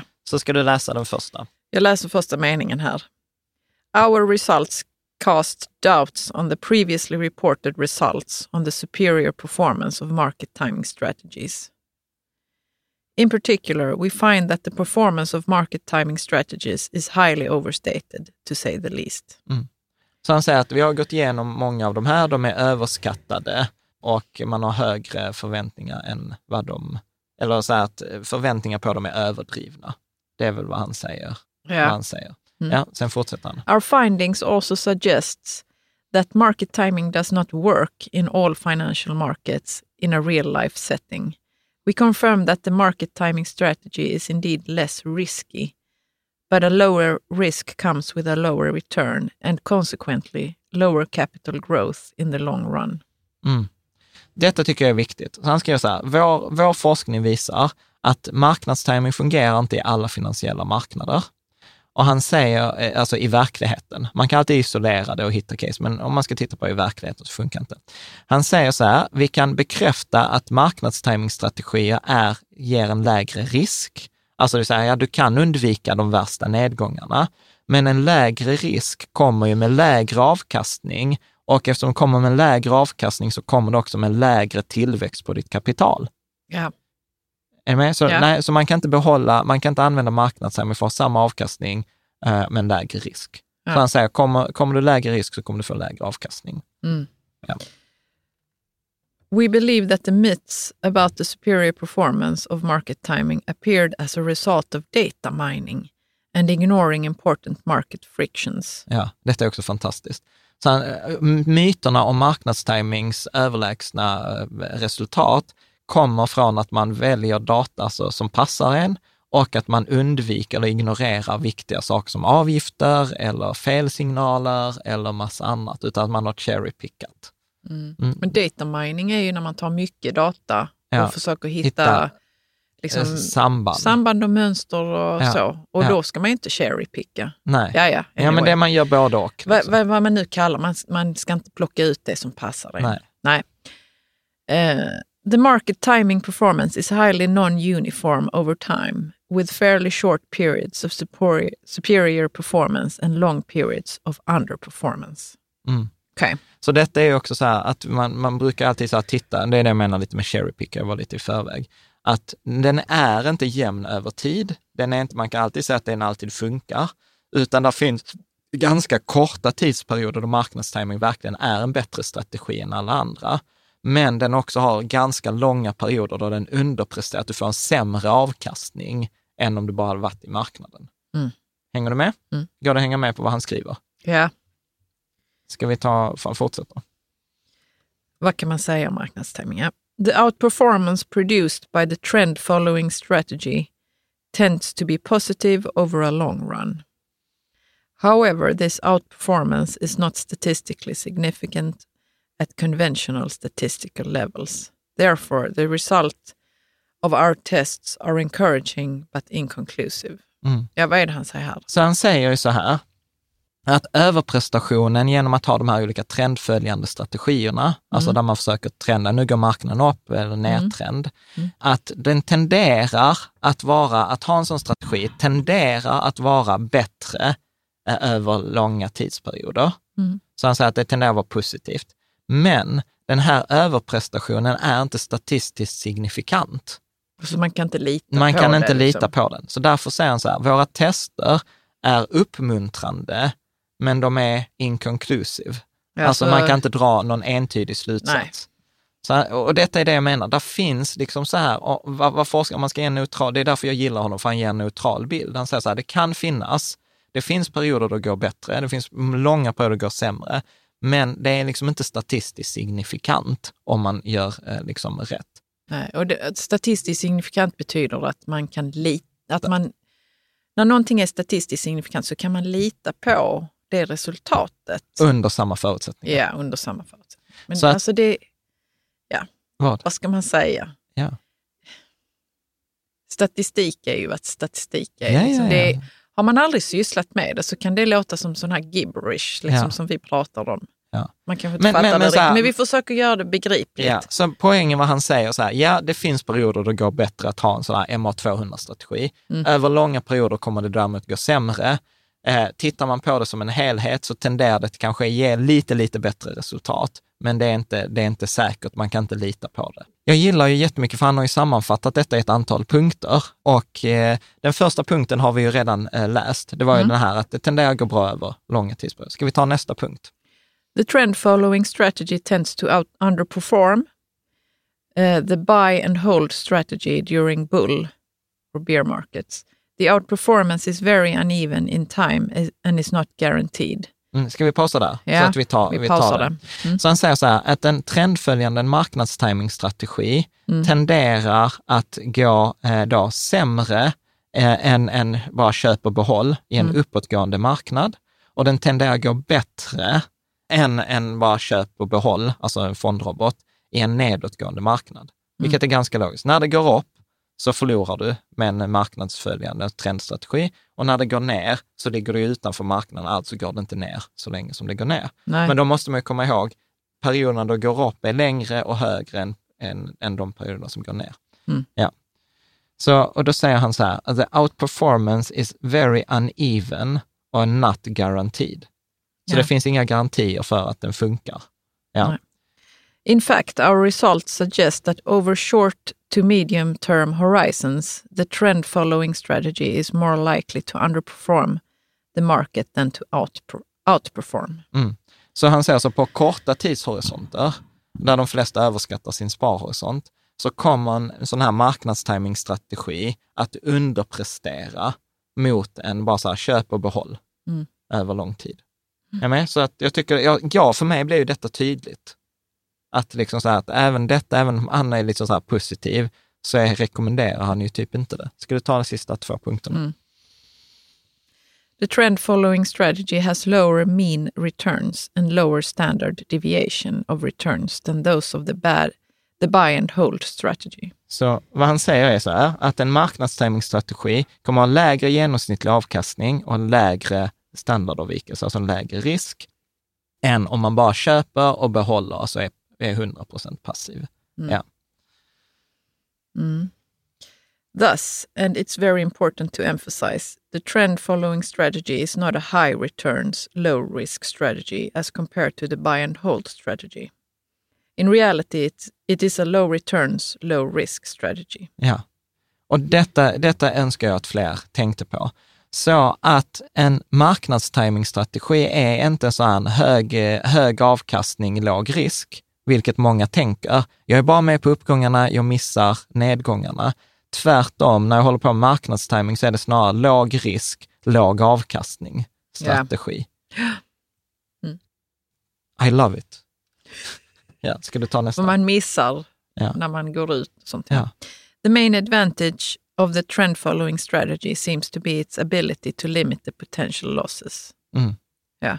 Så att liksom den stora fördelen är att du kommer inte ha de stora förlusterna, vilket i sig kan vara ett mål, men det kommer då vara på bekostnad av avkastningen. Mm. Och det är därför jag tycker att det är egentligen mycket bättre att använda fyra hinkar-principen för att hantera risken, än att hålla på med marknadsföringsstrategi, eh, marknadstimingstrategi, där jag tar så många fler risker. Ja, och få hålla på och pilla och sånt. Ja. Om man ja. inte tycker det är kul. Ja. Så att jag tänker så slutsatsen för den vanliga småspararen borde vara så här, sluta försöka tajma marknaden. Och att vara medveten om de som pratar om att, liksom så att det är en, man kan tajma marknaden för hög avkastning, låg risk. Det finns inget stöd för det i forskningen. Utan det som är stöd för, mark för marknadstimingstrategier, det är att det är låg risk, låg avkastning. Mm. Men då är frågan, var det det man var ute efter? Då finns det ju bättre sätt, tycker jag, att göra det på. Att det handlar om att stå emot den här känslan att göra någonting. När det går ner. När det går ner, att jag måste rädda det som rädda kan. För det, det, är ungefär samma sak, om vi har sett ett hus brinna ner, så vill man ju gå dit och släcka det. Man vill engagera sig i det. Medan här är så här, nej men se huset brinna ner, gå därifrån, gör något annat. Mm. Och det blir så ointuitivt ja. liksom, för oss. Och så fokusera på att kontrollera det som du kan kontrollera. Alltså som vi var inne på, din reaktion till marknaden, din tillgångsallokering, balans mellan aktier och räntor. Du kan kontrollera dina hinkar, du kan kontrollera dina mål, du kan kontrollera ditt månadssparande, du kan kontrollera om du har pengarna på Lyse eller på Avans eller någon annan fondrobot. Mm. Liksom. Så att eh, ha fokus på det, för där kan man göra någonting. Och sen verkligen så här, framgångsrika sparare vet att det viktigaste är att rida ut stormarna. Mm. Rid ut stormen och, och liksom belöningen kommer liksom verkligen vänta där på, på andra, andra sidan. Så att det var egentligen det som eh, var dagens avsnitt. Vad mm. tar du med dig? Detta var ju min slutsats. Vad tar du med dig? Nej, men, eh, nu på slutet så tänkte jag att han professorn Sakamulin, Sakamulin att han eh, Det är skönt att han inte var så. Det är åt helvete att marknadstajma, utan han sa så. Ja, han var inte så. Det finns bara Nej, två han, typer han, av investerare. Jo, ja precis. Men han, han sa ändå att ja, det som du får ut av att marknadstajma är att du har låg, eh, låg, låg avkastning och låg risk. Ja. Eh, inte, det är inte fantastiskt, mm. det är inte heller åt helvete. Mm. Eh, det är svårt bara mm. att göra. Mm. mm. Så får jag godkänt på att jag har haft båda sidorna. Jag hade kunnat ha med ja, Faber eller någon men, annan. Men eh, också. man vill helst ha många som säger ja. det. Finns, man, som hade, är emot varandra. Ja, man hade kunnat prata om momentumstrategi. Vi får se om man kommer tillbaka till, till det. det. Där finns ju också så här, the jury still out there. Mm. Jag tänkte säga så här, annars bara kort puffa för vår eh, Rika Tillsammans-community, som jag tycker ja. är så sjukt roligt. Vi har haft eh, träff i Göteborg, käkade lunch tillsammans. Vi kommer ha eh, träff i Stockholm och i Malmö under våren. Datum är satta. Mm. Eh, så det är verkligen ett tillfälle för dig som vill träffa andra likasinnade. Vi har delat ut flera börsintroduktioner, eh, så här, typ lite strafffrisparkar på marknaden där marknaden är felvärderad. Man kan tjäna lite pengar. Ja, så vi får se det. Vi har en stor grej imorgon, kommer vi se om ett, eh, en av de här tipsen faller ut, för det är första handelsdag. Mm. Och eh, sen så får man en massa extra material, tips och mallar och sånt. Ja, men, det är också, men vi har också människor i vår Patreon-community som, som också tycker om att bara vara med och lyssna ja. och kanske, inte, har, kanske har... inte prata så mycket, men lyssna vad som sägs under de här digitala träffarna som vi också har. Ja, eller på lunchen. Eller sånt. Ja. Alla tyckte det var väldigt trevligt på den här eh, lunchen mm. vi hade i, i mm. Göteborg. Mm. Mm. Så man väljer själv sitt engagemangs, eh, ja. sin engagemangsnivå. Så man kan läsa mer på patreon.com rika tillsammans. Och med det så återstår väl egentligen bara att säga så här tack så mycket för tack. denna veckan och så ses vi nästa söndag.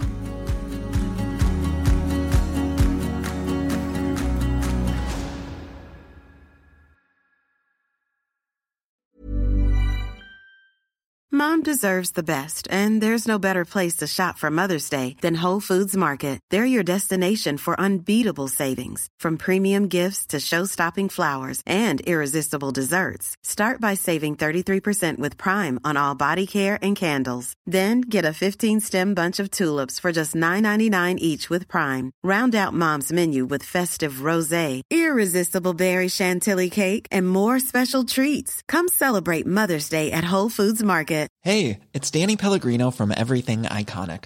Ready to upgrade your style game without blowing your budget? Check out Quince. They've got all the good stuff shirts and polos, activewear, and fine leather goods, all at 50 to 80% less than other high end brands. And the best part? They're all about safe, ethical, and responsible manufacturing. Get that luxury vibe without the luxury price tag. Hit up quince.com slash upgrade for free shipping and 365 day returns on your next order. That's quince.com slash upgrade. Mom deserves the best, and there's no better place to shop for Mother's Day than Whole Foods Market. They're your destination for unbeatable savings, from premium gifts to show stopping flowers and irresistible desserts. Start by saving 33% with Prime on all body care and candles. Then get a 15 stem bunch of tulips for just $9.99 each with Prime. Round out Mom's menu with festive rose, irresistible berry chantilly cake, and more special treats. Come celebrate Mother's Day at Whole Foods Market.